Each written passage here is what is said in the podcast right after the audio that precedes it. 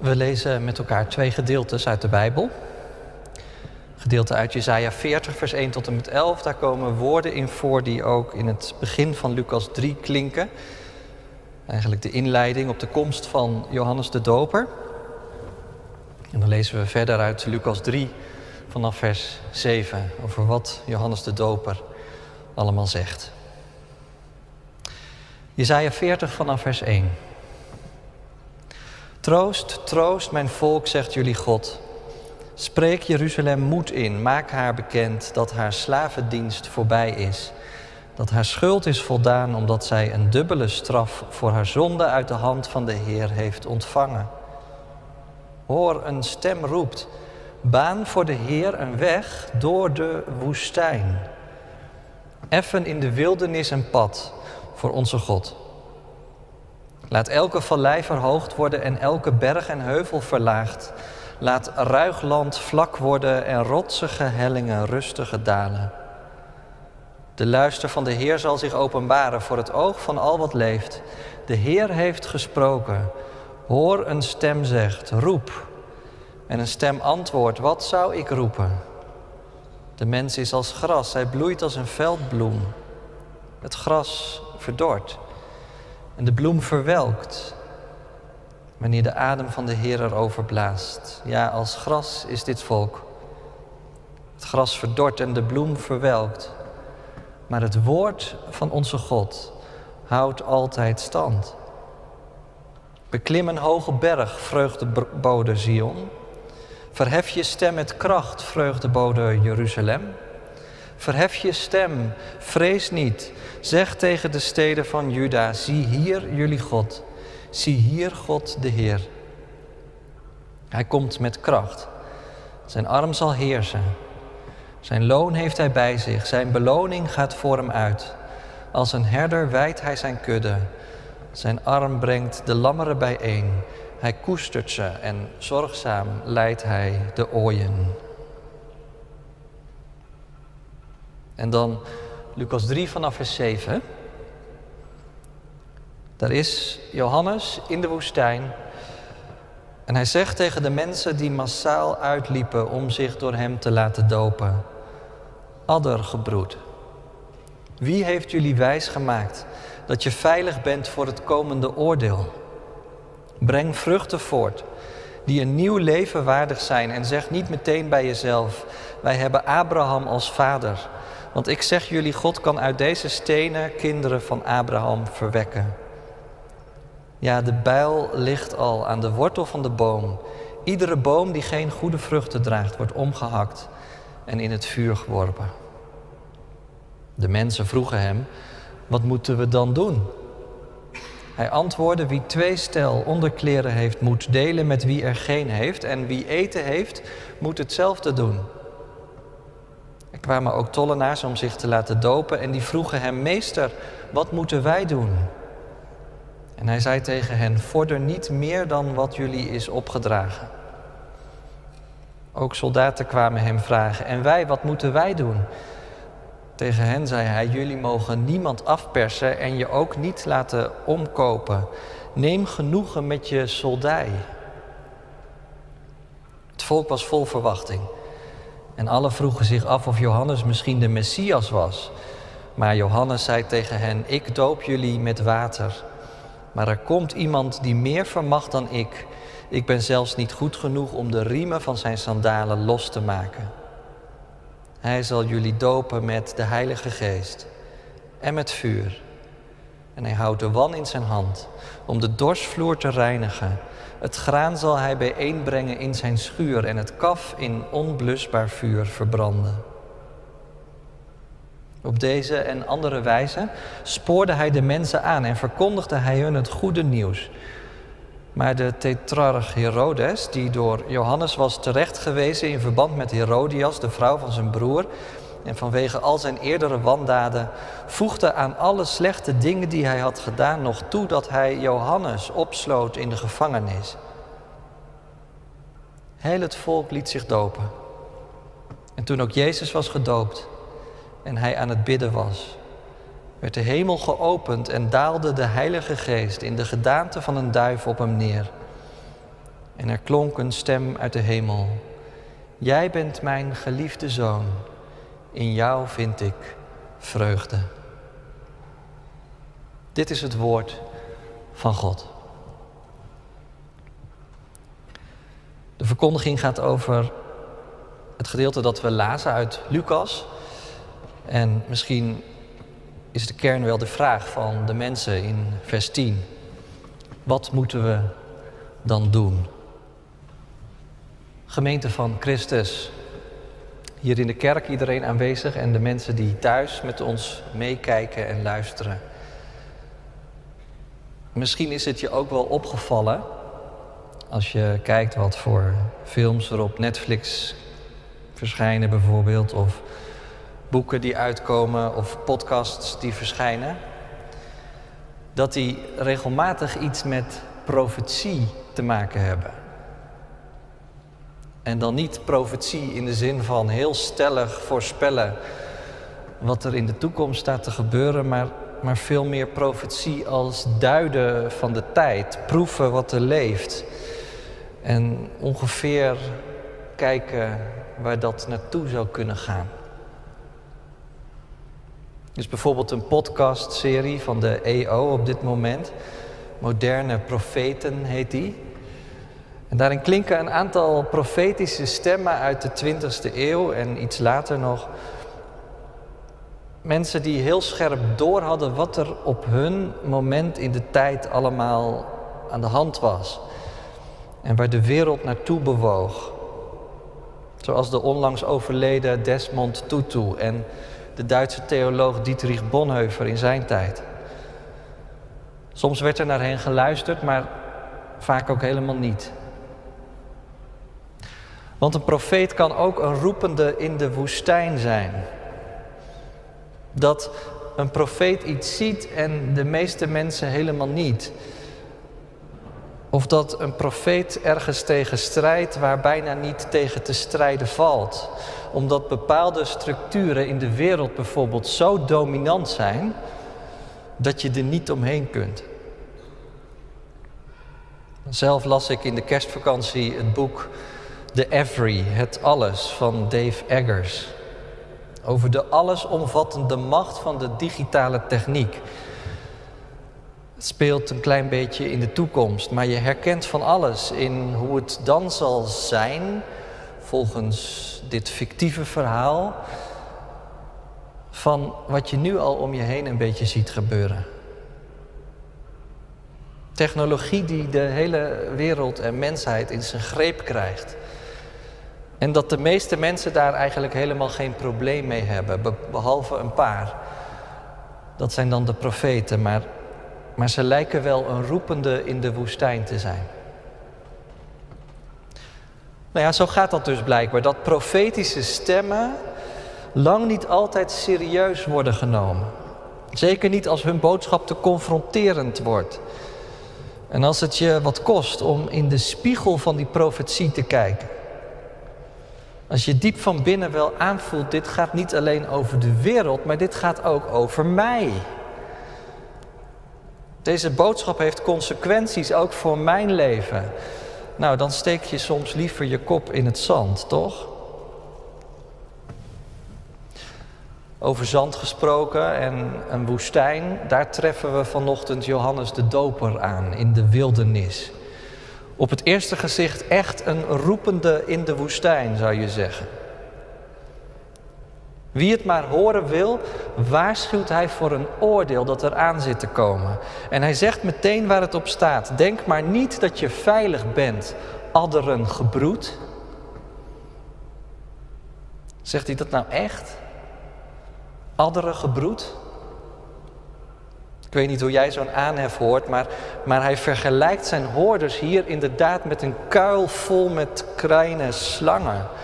En heel opvallend, hij adresseert volgens Lucas dan echt de hele menigte die naar hem toe is gekomen. Dat woord adderengebroed, dat ken je wel uit bijvoorbeeld het evangelie volgens Matthäus. Maar, maar daar spreekt Johannes alleen de fariseeën en de schriftgeleerden zo aan. Maar hier scheert hij ogenschijnlijk iedereen over één kam. Nou ja, het past in ieder geval wel goed bij het imago van deze profeet. Met zijn ruwe mantel van kameelhaar en zijn leren gordel woont hij in de woestijn. In de buurt van de Jordaan en de Rode Zee. Het is het laagste punt op aarde. Zo'n plek waar het zo heet is dat het soms gewoon te heet is om aan iets anders te denken. En hij leeft er van sprinkhanen en wilde honing. Echt een excentriekeling. En je zou denken, daar zal het verhaal dan wel stoppen. Die profetie van Johannes, die loopt natuurlijk dood. Niemand die ervoor valt. Maar niets is minder waar. Want er is een hele menigte samengestroomd om naar het verhaal van Johannes te luisteren. En ze laten zich nog andere gebroed noemen ook. Ik denk dat we die term het beste zo kunnen lezen: dat Johannes de hele wereld waar ze vandaan komen typeert als één grote slangenkuil. En misschien moet je wel zeggen, ze zijn die slangenkuil ontvlucht, de woestijn in, om woorden te horen van hoop, omdat ze hoopten dat er iets zou zijn wat redding zou brengen. Ze trekken het niet langer om in Jeruzalem en omstreken te wonen. Het is een mijnenveld geworden van onrecht en fluistercampagnes en gehakke tak. Er is een Romeinse bezetter en een corrupt koningshuis. En zelfs de priesters in de tempel geven het verkeerde voorbeeld. Het is ieder voor zich in Israël. Een samenleving op drift. En als dat zo is, dan dan gaan heel veel mensen zelf ook niet helemaal vrij uit. Want zo gaat dat nu eenmaal. Voor je het weet zit je er zelf middenin.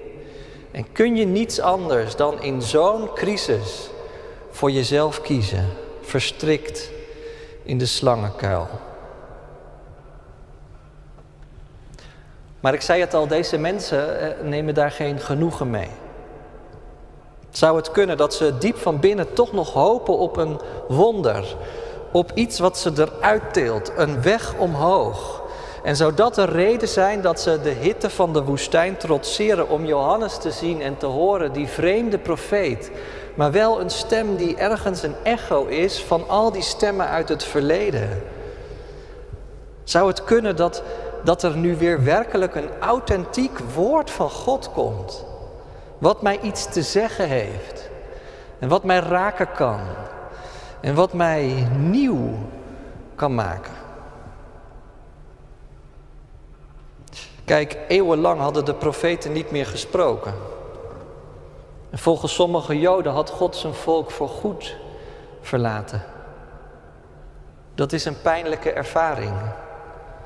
Soms hoor je het vandaag ook dat God helemaal weg lijkt en dat mensen zeggen: Ik hoor niets meer van Hem. De hemel is gesloten. En dan is daar ineens die roepende in de woestijn. Een profeet die woorden van God gaat spreken. En de mensen voelen het gewoon. Dit is belangrijk. Deze woorden doen ertoe. En ze gaan erheen. Ineens zo'n verschijning die opvalt. Ik las deze week over een oude priester in Hongkong. Ik weet niet of je het nieuws over die stad een beetje volgt, maar er is van alles gaande vanwege de toenemende overheersing door China. En al meer dan een jaar zitten daar bijna 50 democratische politici, journalisten en docenten gevangen. Al een jaar in de gevangenis zonder enige vorm van proces. En waar vijf jaar geleden in die stad nog de mensen massaal de straat op gingen om op te komen voor de democratie, is het nu al heel lang stil, doodstil. Niemand durft iets te zeggen. Totdat er ineens deze week die ene man was, Franca Mella, een priester, met een simpel bord en een vastberaden blik in de ogen, ging hij de straat op. Dus een profeet kan ook er ineens zijn om de waarheid te spreken, opstaan waar niemand verder meer iets zegt. En dat doet misschien Johannes de Doper hier wel. En de waarheid die hij spreekt is dan best heel confronterend. Want het zal je maar gezegd worden dat God weglijkt uit jullie leven, komt wel misschien omdat jullie niet klaar zijn om Hem te ontmoeten. Er moet namelijk iets nieuws gebeuren. En weet je wat dat nieuwe is, zegt Johannes? Dat je vruchten voortbrengt. Vruchten die bij een nieuw leven horen. Het is namelijk niet genoeg, zegt hij, om een nakomeling van Abraham te zijn. Het is niet genoeg om af en toe wat offers te brengen, om een religieus leven te leven. Weet je, God kan uit die stenen hier in de woestijn kinderen van Abraham verwekken. Besef je wel dat iedere boom die geen vruchten draagt, die gort droog is, omgehakt zal worden? Nou, dat is een confronterende boodschap. Johannes maakt een grote crisis als het ware heel klein, zo klein als het hart van een mens. Die stenen in de woestijn waar God kinderen van Abraham van kan maken, die worden door sommige uitleggers wel vergeleken met het stenen hart waar de profeet Ezekiel over spreekt. Als God zegt door die profeet heen, ik zal een nieuw hart en een nieuwe geest geven en ik zal je versteende hart uit je lichaam halen en er een levend hart voor in de plaats geven. Er moet dus iets gebeuren, zegt Johannes, in je hart. Johannes wordt wel de wegbereider van Christus genoemd. Iemand die in de woorden van zijn vader Zacharias het volk zal klaarmaken voor de komst van de Heer. En hoe doet hij dat dan? Nou, blijkbaar door hen op te roepen tot een omkeer. Tot een andere manier van leven. Hij laat ze zien dat ze genoegen nemen met te weinig. Ze doen zichzelf en God tekort als ze geen vruchten dragen. Als ze niet groeien en bloeien. Als ze niet omhoog kijken uit de slangenkuil. En dan is het wel mooi om te zien dat Johannes die oproep tot een omkeer koppelt aan een heel praktisch ritueel. En dat is een ritueel wat alles te maken heeft met water. Want iedereen die aan zijn oproep gehoor geeft, en dat zijn er blijkbaar nogal wat, volgens Lucas zijn het alle mensen. Iedereen die aan zijn oproep gehoor geeft, wordt ondergedompeld in de Jordaan. Net zagen we het al even bij die verdorde palmen. Voor groei en bloei is water nodig. Dat is één. Maar er ligt ook nog een andere betekenis in die onderdompeling in de Jordaan. Want door het water gaan heeft in de Bijbel ook vaak te maken met bevrijding. Een daad van bevrijding als God je door het water heen trekt. Gebeurt al als Mozes uit zijn biezenmandje uit de rivier gered wordt. Maar het gebeurt ook later als het volk door de Rode Zee heen uit Egypte wordt bevrijd. En nog weer later als het volk door de Jordaan heen uit de woestijn in het beloofde land wordt gezet. En zo ook hier bij de doop van Johannes. Het is een teken dat het oude voorbij kan zijn en dat er iets nieuws staat aan te breken. Dat er vrijheid wacht. Een eiland in de wereld. Ik moest denken aan een oud verhaal over slaven in South Carolina. Daar was het uitgerekend een heel uitgestrekt moeras. Het water dat onbegaanbaar was voor paarden en grote groepen mensen, dat vrijheid kon garanderen voor groepen slaven. Of beter gezegd, ex-slaven. Zij vluchtten één voor één door het moeras heen. En zo ontstonden er gemeenschappen van ex-slaven die gevlucht waren midden in dat uitgestrekte moeras op kleine eilandjes. Er schijnen wel 200 van die gemeenschappen te hebben bestaan. Veilig door het water heen. Nou ja, die doop in de Jordaan, die dient ook dat doel. Die staat niet op zichzelf. Nee, uiteindelijk kondigt Johannes niet het oordeel alleen aan, maar ook het heil van een volk dat gered wordt door God. En van een nieuwe gemeenschap die door het water heen ontstaat. En die bevrijding die krijgt dan een heel concrete uitwerking. Want die mensen die aanwezig zijn, die willen natuurlijk weten, wat moeten we dan doen? Hoe ziet een leven er dan uit wat waardig is voor God? En daar geeft Johannes dan drie heel concrete voorbeelden van. Wat het volgens mij heel eenvoudig en behapbaar maakt. Ingewikkeld ook, misschien. Maar als de mensen vragen wat moeten we dan doen in vers 10, dan zegt Johannes, nou tegen de meerderheid van jullie zeg ik dit, wie twee stel onderkleren heeft, moet delen met wie er geen heeft. En wie eten heeft, moet hetzelfde doen. Johannes roept de mensen simpelweg op om hun leven te delen. Het leven te delen met iedereen die het minder goed getroffen heeft. Is dat nu zo moeilijk? Je zou zeggen van niet. En toch is het een profetie, is het een spiegel die Johannes mensen voorhoudt. Anders had hij het niet gezegd, als het geen spiegel zou zijn. En als je eerlijk bent, weet je misschien wel dat delen lang niet altijd zo gemakkelijk is. Maar ergens moet een begin gemaakt worden met het oplossen van die crisis. Misschien, zegt Johannes, moet je eerst maar eens kijken naar je eigen gedrag. En dan geeft hij twee heel concrete voorbeelden voor twee groepen mensen die daar aanwezig zijn. In de eerste plaats één aan de tollenaren. Die waren bepaald niet populair in die tijd. Ze moesten belasting innen voor de Romeinen en ze plukten daar zelf ook nog eens een graantje van.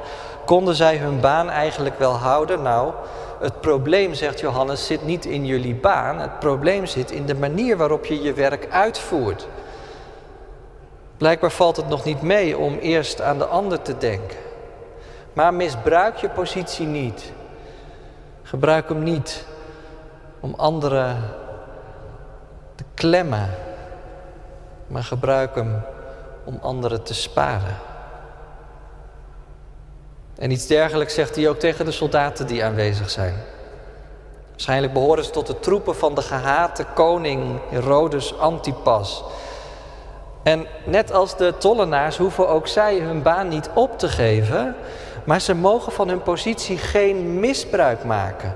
Ze mogen hun brute, brute kracht niet inzetten om mensen straffeloos te beroven. En ook dat zal lastig zijn geweest, want moet je kijken wat macht met mensen kan doen. Om macht te bezitten en tegelijkertijd anderen te dienen met diezelfde macht. Daar is echt wel een omkeer voor nodig. Een andere manier van denken. En zo maakt Johannes die grote woorden over het oordeel eigenlijk heel klein en behapbaar. Leg je eigen leven er maar gewoon naast. Heel eenvoudige opdrachten, maar draag je vrucht. Misschien vallen die woorden je zelfs wel wat tegen. Had je, had je wat meer explosief materiaal verwacht? Een echte robuuste profetie. Maar, maar zo eenvoudig kan het blijkbaar zijn. Zo ontdekkend ook. Om God werkelijk lief te hebben boven alles en je naaste als jezelf, dat gaat niet vanzelf. Maar als je het oprecht verlangt te doen, dan laat je wel zien dat het je menens is. Het verlangen om God te ontmoeten, om iets van Hem te horen. En om zo de Messias door je handel en je wandel tegemoet te treden. Want dat is wel het laatste wat hier gebeurt. Die onderdompeling in de Jordaan en die heel bewuste keuze om voortaan recht en oprecht te leven, die staan niet op zichzelf, maar die gaan ergens aan vooraf. Ik zei het al, ze bereiden je voor op iets anders. Dat is wat Johannes doet. Hij bereidt de mensen voor op de komst van de Messias. Dat is op een heel bekend schilderij van Matthias Grunewald zo afgebeeld dat Johannes de Doper met een hele lange vinger wijst naar Christus die komt. Hij moet groter worden en ik kleiner, staat erachter. Want ik doop jullie weliswaar met water, maar hij zal jullie dopen met de Heilige Geest en met vuur. De Heilige Geest die je nodig hebt om vrucht te dragen. De Heilige Geest die het water is, waardoor je gaat groeien en bloeien. De Heilige Geest die Hij je geven zal. Maar ook het vuur. Er komt een einde aan de crisis. Wees dankbaar als er iets nieuws in je aan het groeien is. Maar het werkelijke recht ligt buiten ons. Er is heel veel onrecht. En er is heel veel kaf. En er is ook graan. En deze Messias, zegt Johannes, zal die twee van elkaar scheiden. En dan verschijnt tenslotte precies die Messias op het toneel. Op diezelfde plek, in de woestijn, bij de Jordaan. Hij houdt zich niet op bij de elite in Jeruzalem, maar hij kiest de kant van het volk, van de mensen die gevlucht zijn, omdat ze hoopten op God. Van de mensen die Johannes adderengebroed noemt.